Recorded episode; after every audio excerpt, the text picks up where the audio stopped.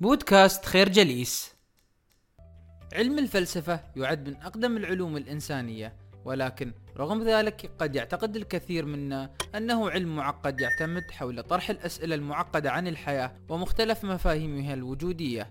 في كتاب إفطار مع سقراط يأخذنا روبرت سميث في جولة ضمن أحداث حياتنا اليومية لكي يشرح لنا بأن الفلسفة في حقيقة الأمر تتعلق بالتمعن في العالم من حولنا وقدرتنا على اتخاذ قرارات حكيمة في مختلف أحداث حياتنا اليومية. الفلسفة كلمة يونانية الأصل من فيلوسوفيا والتي تعني حرفيا حب الحكمة والحكمة هي مهارة تقييم العالم المعقد وإصدار أحكام سليمة من خلال التفكير أي باختصار طرح الأسئلة الصحيحة في المواقف المختلفة فاتخاذ القرارات الحكيمة في حياتك اليومية هو بحد ذاته صورة من صور الفلسفة.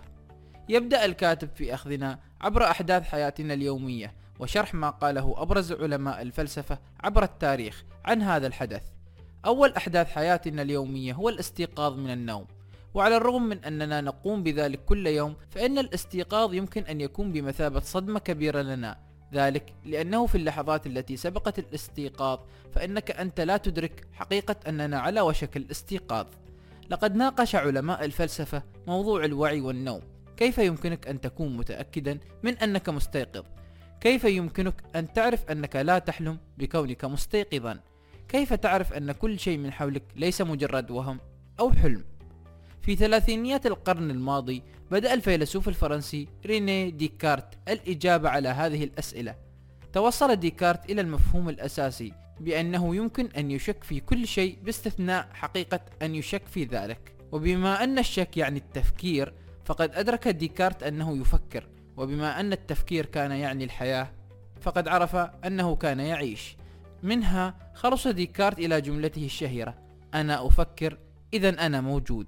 هذا هو السبب في أن الاستيقاظ كل صباح يعد مفهوما فلسفيا بحد ذاته.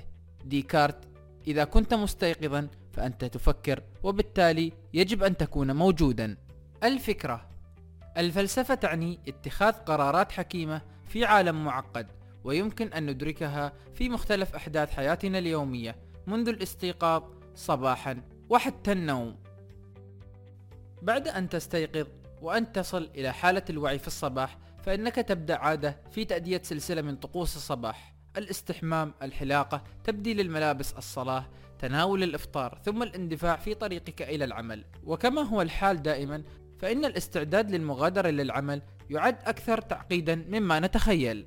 في بداية القرن العشرين اندمج سيغموند فرويد عالم الأعصاب النمساوي الشهير في مجال التحليل النفسي المتطور وهي وسيلة لدراسة العقل اللاواعي.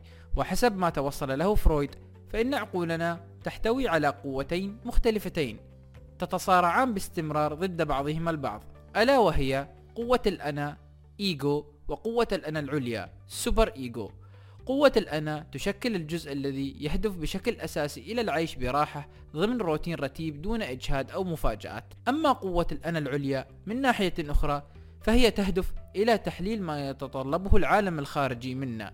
تجبرنا الأنا العليا على الظهور بمظهر لائق على الدوام من خلال التزين الاستحمام استخدام العطور التحدث بأدب ارتداء الملابس المناسبة واتباع القواعد والعادات المناسبة للمجتمع. يعد الاستعداد لمغادرة المنزل في الصباح دائما. نقطة تحول في صراع الأنا والأنا العليا. خلال ذلك الوقت نحن نستعد للتخلي عن الهدوء والأفكار الروتينية للأنا إلى التكيف مع المتطلبات الخارجية التي يفرضها علينا المجتمع وتجبرنا الأنا العليا على تنفيذها. غالبا ما يتطلب منك العالم الخارجي أن تتخلى عن راحتك وروتينك ويقدم لك مفاجآت ويفرض قواعد على سلوكك ومظهرك. الفكرة. يقول فرويد أن الروتين الصباحي هو منافسة شرسة بين الأنا والأنا العليا. في صبيحة كل يوم ينتقل المليارات من البشر حول العالم في انسجام يشبه القطيع في طريقهم نحو المكاتب وميادين العمل ويقضون بقية يومهم في الكدح على هذه المكاتب حتى نهاية ساعات العمل.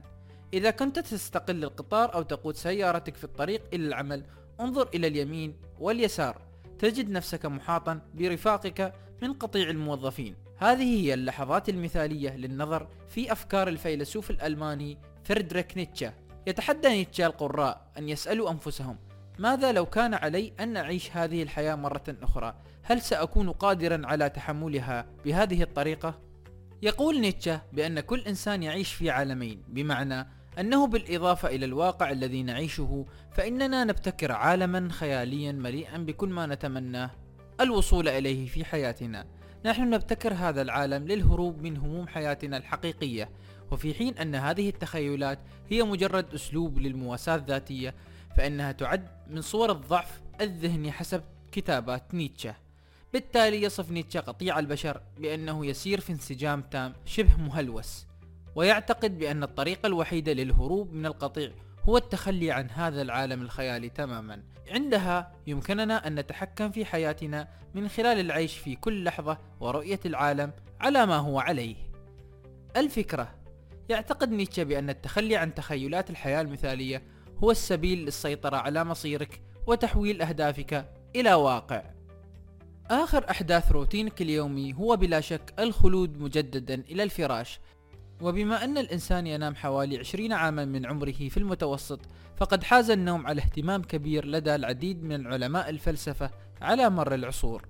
كارل يونغ الذي يعد زميلا منافسا لفرويد في علم التحليل النفسي كان يعتقد أن البشر لا يشتركون في حالة من الوعي اللاشعوري فحسب بل يتشاركون كذلك في أحلام بشرية مشتركة. يعتقد يونغ بأن البشر قد جمعوا مجموعة من الذكريات منذ فجر البشرية وهو ما أسماه بمفهوم اللاوعي الجماعي. مع ذلك اعتقد يونغ أن هذا اللاوعي الجماعي كان أكثر من مجرد ذكريات بشرية مجتمعة. فعندما تحلم أثناء نومك فإن العالم كله يحلم كذلك معك. كل إنسان عاش على وجه الأرض منذ فجر التاريخ ساهم في هذا اللاوعي الجماعي. وحسب يونغ فإننا كلنا مرتبطون ببعضنا من خلاله. فعندما تخلد في سبات عميق وتغوص في عالم الأحلام فإنك لا تعد فردا مستقلا وإنما جزءا من شبكة توارد هائلة بين بلايين البشر يعيشون دون وعي. وكذلك تساهم في مجموع ذكريات البشر لملايين السنين. الفكرة مفهوم يونغ عن الأحلام أنها تربطك باللاوعي الجماعي أو ما يسمى روح العالم.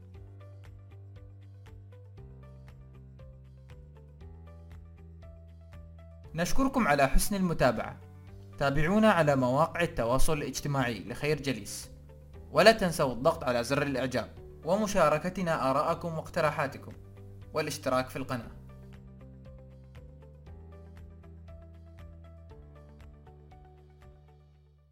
نشكركم على حسن استماعكم.